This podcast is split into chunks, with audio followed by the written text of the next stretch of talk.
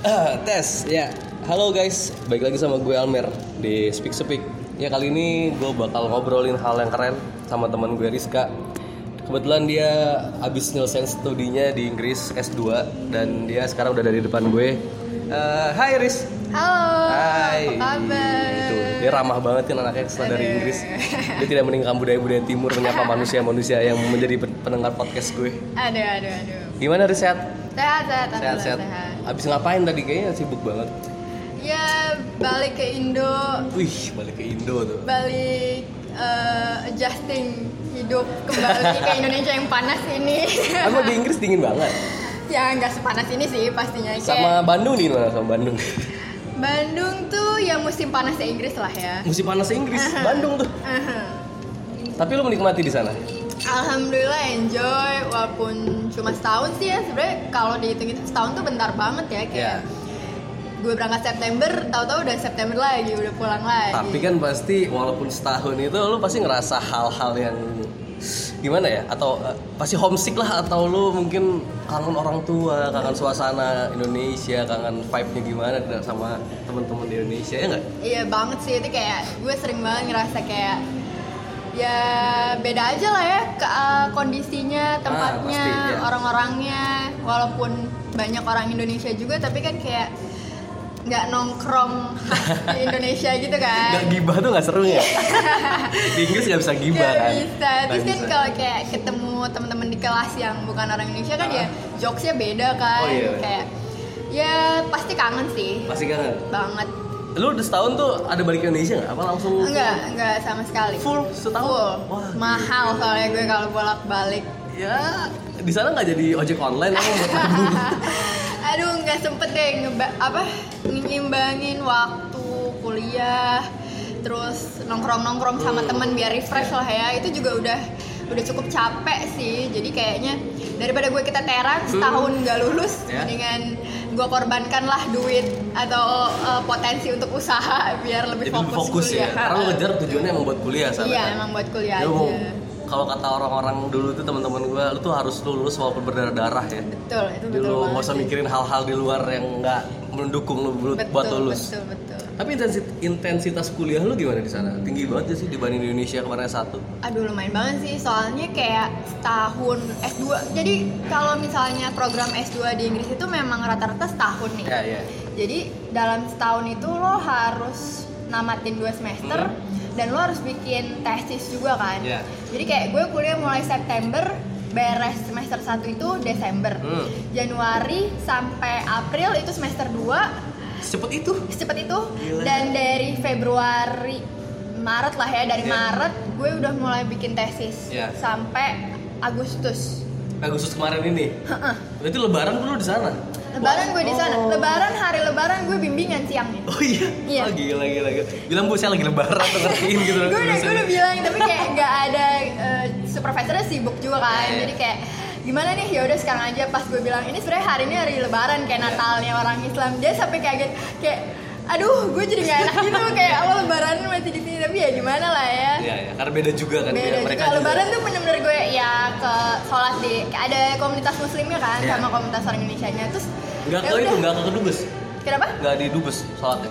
Enggak jadi gue bukan kuliah di London gue kuliah di Leeds Oh. jadi gue di University of Leeds itu Yes. eh, nggak ada kedubes Oh jauh ya. jauh lumayan ke London itu bergantung sama komunitas ya. Eh, bergantung sama komunitas Jadi enak banget ya lebaran di kampung orang tapi bimbingan. masih bimbingan gue jadi malam-malam ya? sebelum lebaran tuh gue masih ngetik-ngetik karena Oh, iya? besoknya kan Kalau di Indonesia kan bisa lagi takbiran untuk Nah, keluarga, kan? nggak ada takbiran sama sekali Mungkin lu ngetik sambil nangis mungkin gue salah sering ngetik banget aku kapan mama sebenarnya padahal belum apa. Eh, sering banget sih ngetik sambil nangis Oh iya, sering banget sering itu. karena kayak kadang capek kan kayak Ya. lo tuh capeknya nggak cuma capek ngerjain tugasnya Ya. tapi kayak gue pengen pulang atau kayak aduh eh, kayak iri temen-temen ada yang bisa liburan sedangkan kayak eh, ya ekonomi orang beda-beda lah ya Yes. lo nggak bisa maksain gue harus kayak temen gue nih Jalan-jalan, nikmatin ke mana. lagi luar negeri iya gitu. kadang kan nggak bisa kayak gitu jadi kayak Ya, ya, ya. pressure-nya banyak gitu Jadi sebenarnya kalau gue lihat mungkin eh gue dengar dari tadi cerita lu eh, S2 mungkin nggak selalu enak ya. Nggak Tapi tuntutan apa yang sebenarnya lu pengen ngambil S2? Ah gue ambil S2 deh.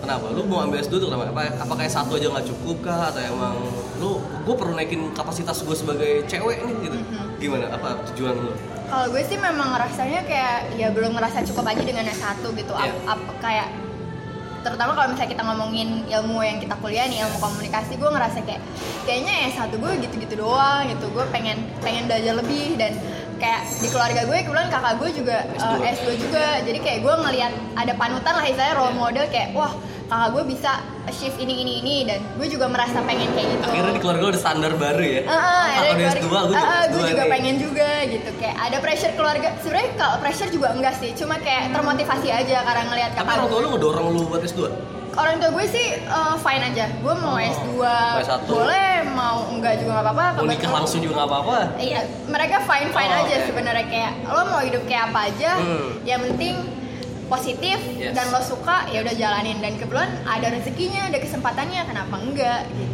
tapi lu waktu daftar S2 di Inggris susah nggak? Ribet nggak? Eh, pasti sih. Ribet banget? Ri- ribetnya lebih kayak di luar administratif ya maksud gua libur eh, untuk kuota untuk eh, ke di sananya gitu untuk bisa dapat slot lu lebih ribet ngurus visanya sih Visa ya, sebenarnya kayak eh, dan mungkin kalau syarat administrasi sebenarnya nggak terlalu ribet kecuali IELTS-nya. Karena lo kan harus ngambil IELTS dan Yeah. standar nilainya kan cukup tinggi ya karena di Inggris kayak ya pasti bahasa Inggris yang Pasti bagus lah ya, ya nilai-nilai standar yang mereka minta tuh lumayan tinggi berapa dan tuh berapa? eh, IELTS itu overallnya harus 7 hmm? dan masing-masing sectionnya itu harus enam setengah jadi gue juga pas ngambil IELTS pertama kali itu sempet gagal sebenarnya. Ada nilai Sempet gue mabuk gak? Kira semaput gak ngeliat bahasa Inggris susah banget. Iya iya. Gue ngerasa Pakai penggunaan bahasa-bahasa bakunya. Itu jujur gue kaget banget itu pas baru nyampe Inggris ya gitu. Kayak eh, gimana ya? Selama gue di Indonesia tuh orang-orang mikirnya oh Rizka pinter bahasa Inggris gitu. Ya. Rizka bisa bahasa Inggris. IELTS juga gue walaupun ngulang tapi tuh gue pede gue Lu bisa berapa kali tes IELTS? Dua kali? dua kali. Dua kali. dan itu gue ngerasanya kayak gue agak nggak konsen gitu loh Ah. makanya bisa off gitu nilainya tapi pas di sana tuh kayak mungkin karena aksennya juga ya mereka kan aksennya British ya nggak sama kita kalau kita kan di Indonesia Ya, belajarnya- nggak jelas, Iya, lempeng-lempeng gitu ya. Terus itu gue kayak sempet panik juga sih kayak "Ah, apa nih gue nggak ngerti orang ini ngomong apa Gue bayangin gitu. seorang Indonesia kalau lagi bingung kan pelangap pelongo tuh Iya, kan terus gue kayak Hah, apa sih? Di sana apa sih? baru nyampe tuh gue kayak nelfon orang gas buat benerin rumah segala macam tuh kayak aduh supaya kayak beneran mau nangis gitu loh. Iya, iya, iya. Karena bahasa Inggrisnya nggak terbiasa Iya, gitu iya, dan sih. akhirnya lo nyampe ke kesadaran bahwa ya anjir bahasa Inggris gue nggak bagus-bagus banget Iya. ternyata selama ini gitu loh. Tapi gue kalau ngeliat ngomong bahasa Inggris maksud gue gini kan orang Indonesia kan minder kan Mhm. Ih, Inggris tuh kan jelek ngapain sih pakai Inggris Tapi gue juga punya temen Gue pernah ngobrol sama teman-teman bule kita yang di Mhm. dulu di kampus dari S1 Ternyata sebenarnya orang bule pun dia berpikir "Ka- Dia tuh sadar kita tuh bukan orang asli. Yang penting kita tuh ngomongin apa Dia tuh tahu sebenarnya maknanya Kayak kita mau ajarin orang asing yang ngobrol bahasa Indonesia kan Nah sama kayak gitu Nah mungkin karena lu belum terbiasa juga Iya. jadi lu mungkin "Hah, apa sih ngomong apa sih gue gak ngerti Iya, dan betul. pasti mereka juga wajarin kan karena lu stranger sana kan Iya. mereka nggak ngajarin banget karena kalau lo S2 di Inggris tuh bakal banyak banget international student Iya. yang eh, bukan dari Inggrisnya kan Hmm. maksudnya nggak cuma dari Inggris dan Eropa atau Amerika yang eh, bahasa Inggris bahasa utamanya bahasa Inggris maksud Iya. gue banyak banget kayak dari Cina Hmm. dari Jepang dari Thailand dan kalau bukannya sombong ya tapi sering kali bahasa Inggris mereka tuh sebenarnya Lebih. lebih di bawah Iya. kita kita yang orang Indonesia ini Iya. karena kayak eh, pelafalan mereka tuh susah banget Iya. gitu untuk ngomongin dan itu sangat di apa ya understandable banget sih buat mereka dan kayak dosennya di kelas juga berusaha ngomongnya lebih pelan lebih lebih apa ya lebih ngajak Iya. mahasiswanya untuk ayo nggak apa-apa ngomong bahasa Inggris sama gue kayak gitu sih. Kayaknya gini di luar negeri mungkin lingkungan lebih suportif ya atau kalau gue bilang memang pendidikannya lebih suportif lebih apa ya? Kayaknya grow up bareng gitu. Satu kelasnya kita harus bareng-bareng gitu betul betul untuk betul. berkembang walaupun Nggak- memang memang sebenarnya jatuhnya tetap bisnis juga ya masih tetap bayarnya international student tuh lebih mahal ya, ya. dan banyak fasilitas yang apa apa bayar apa apa bayar tapi menurut gue sih gue pribadi ngerasa kayak gue dapat dosen pembimbing tuh bukan dosen pembimbing aja dosen mata satu mata kuliah aja Ah. itu tuh suportif banget gitu setiap ada tugas tuh mereka kayak selalu keep up lewat email gimana tugasnya apa kesulitannya Iya, iya. ini gue kasih link-link resource lo butuh apa Oh, kayak jadi gitu dia loh men-treatment mahasiswanya iya benar-benar ya jadi kayak istilahnya kita sama-sama butuh lah ya. Iya, Dia iya. kan menjadi dosen juga butuh kita sebagai Yes. mahasiswa. Iya, kita iya. kuliah juga butuh Betul, dosen, dosen. ya kan. Jadi terus kayak di kampus juga eh, kesehatan fisik, kesehatan mental itu diperhatiin banget. Ah itu sih yang penting sih. Iya jadi sih. kayak misalnya musim-musim ujian mereka tuh suka ngadain apa namanya event-event terapi bareng eh, hewan-hewan gitu loh. Mereka Oh. bawa hewan-hewan gitu, terus kita bisa ikut terapinya gratis. refreshing lah ya, Heeh, biar nggak tegang lah ya mau ujian ya. Kalau misalnya kita butuh kayak psikolog atau konseling, mereka juga nyediain. Oke, sampai segitunya. Mm-mm, sampai segitunya Iya. bener-bener intens lah ya ya Hmm. memang apa ya istilahnya sebanding dengan biayanya Iya juga sih. sih cuma menurut gue kayak itu tuh treatment yang gak cuma ke international student aja Emang yang reguler pun dapat. reguler pun dapat yang orang biasa bayar paling murah nggak bayar sekalipun kalau misalnya beasiswa apa beasiswa dari kampus juga Iya. dikasih treatment yang sama sih Oh sampai segitunya ya? Keren emang. Gue setuju banget sih emang kayak kalau di luar negeri itu mungkin kurangnya kita kita tuh nggak mer- memperhatikan sampai hal sebasic itu. Mhm. Justru yang basic itu yang bisa memacu kita lebih produktif, keluar ide-ide yang keren Betul. banget. Mereka sampai bisa ngadain konseling atau lagi ngadain uh, event yang bisa mencairkan suasana mau menjelang ujian.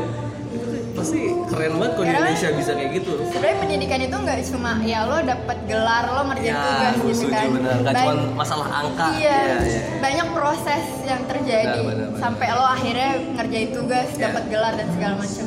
By the way, lu di Inggris tinggal di mana? Di asrama? Atau Enggak, jadi gue kayak emperan ruko lu mungkin tidur tiap pagi gitu kalau mbak mbak bangun mbak udah pagi di mana lu di Inggris gue kayak ngontrak gitu lah ya jatuhnya. Jadi kayak eh, sendiri Enggak, jadi satu lantai itu ada dua kamar. Iya. Gue ngontrak bareng teman orang Indo juga bareng-bareng. Oh. Jadi kayak dapurnya dapurnya bareng.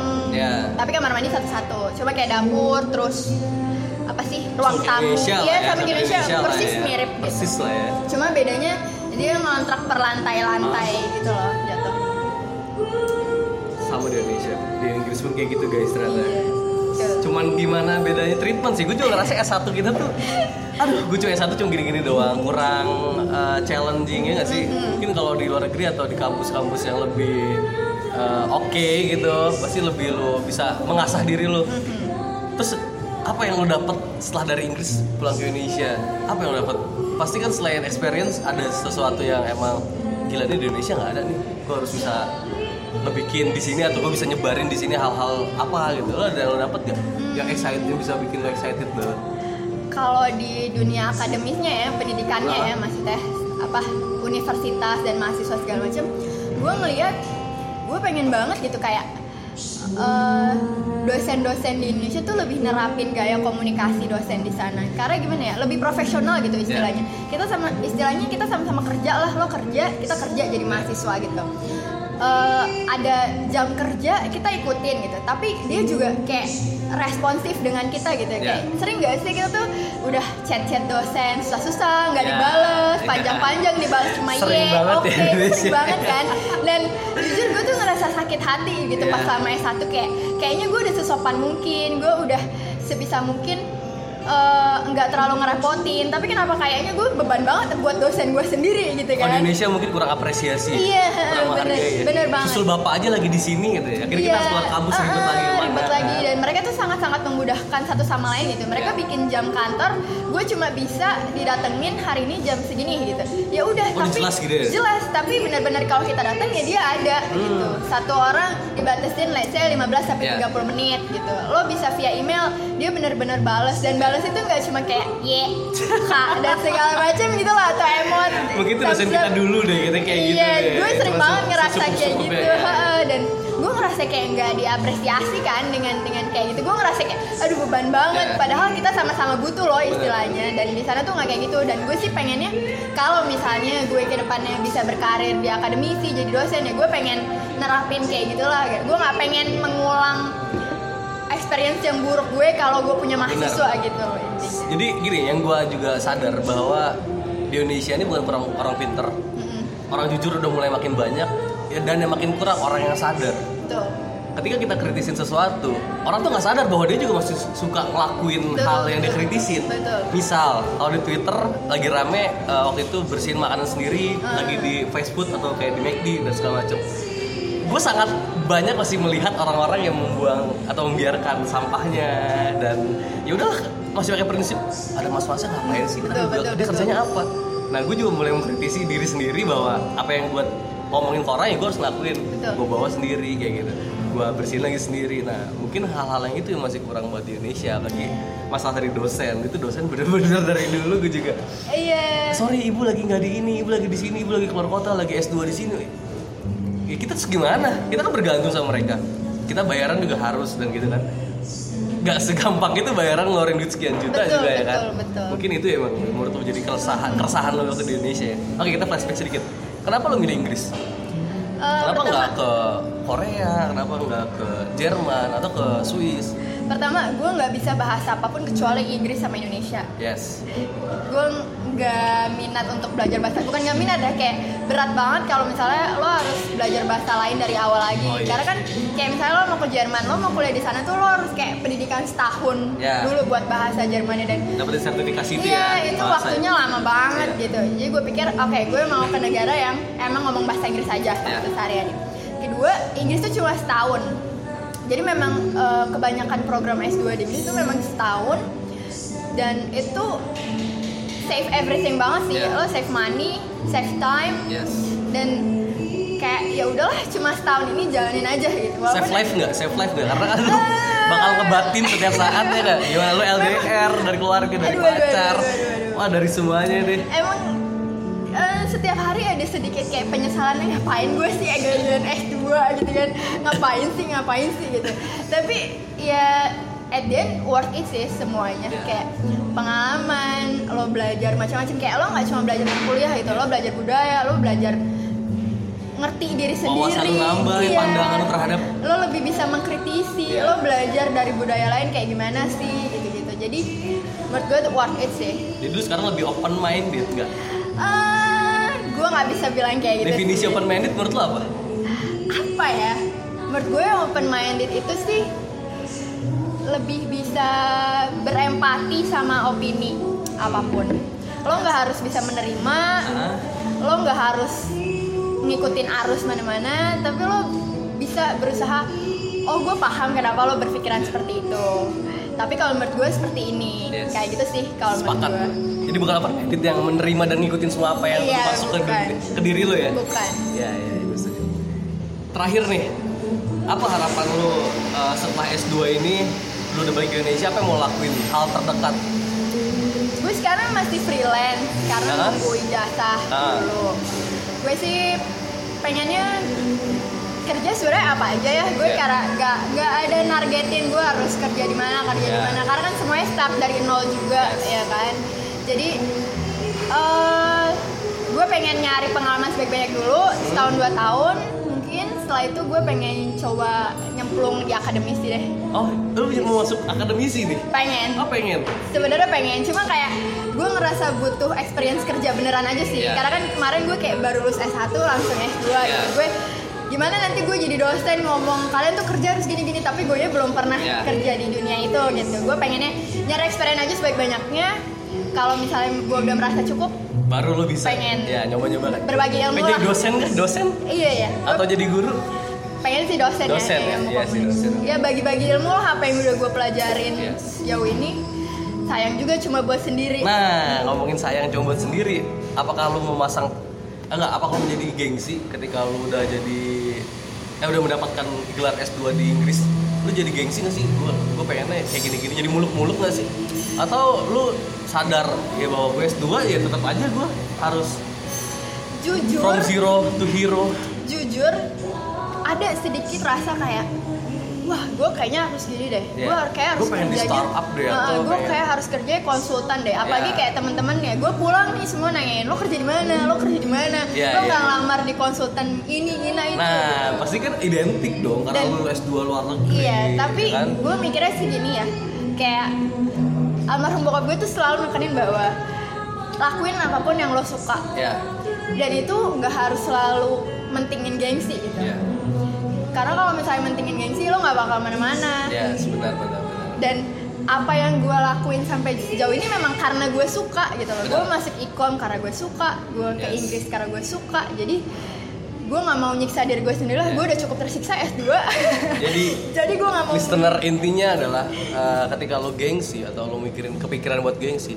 lo tuh harus punya self defense sendiri. Lo harus punya prinsip. Kalau misalnya lo takut buat ngelakuin sesuatu ya lo harus punya dasarnya dulu supaya ada alasan ketika lo ada orang yang remehin lo orang yang Betul. nanya jadi kan kebanyakan orang gengsi itu karena lo tuh gak punya jati diri lo tuh mau ngikutin orang lo tuh takut buat eh, pengen jadi diri sendiri ya itu sebenarnya nggak gengsi. masalah ya gengsi asal lo bisa rela sacrifice a lot Iya of sih, things iya ya sih, kan iya sih. tapi kan kayak aduh gue udah banyak banget mengorbankan gue setahun S2 Iya. ya kan jadi kayaknya capek untuk nerus-nerusin yang tinggi-tinggi Iya. start from dari awal aja nggak masalah tapi lo gak pakai S3 Eh, belum ada pikiran Masih capek, sih. S2 Masih pengen napas capek. dulu. Eh, gue pengen istirahat dulu Sekarang lo kasih tips buat teman-teman yang masih ragu pengen ambil S2 di Indonesia atau mau di luar.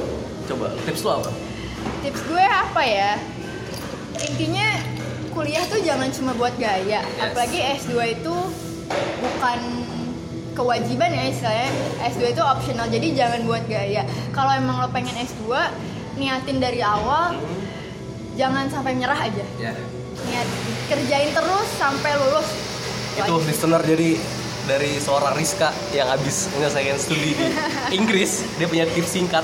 Jadi lo kalau punya mau pengen S2 atau S3, lo dulu eh, lo yakin lo diri lo tujuan lo apa dan Betul. goalsnya mau ngapain kayak gitu. Oke, thank you banget Rizka udah mau thank you udah ngobrol sama gue nih. ngobrol. Oh iya dong, semoga bermanfaat ilmu lu nih buat Amin, listener amin, semua. amin, amin. Oke, sampai jumpa lagi di Speak Speak yang selanjutnya guys. Bye. Thank you Rizka.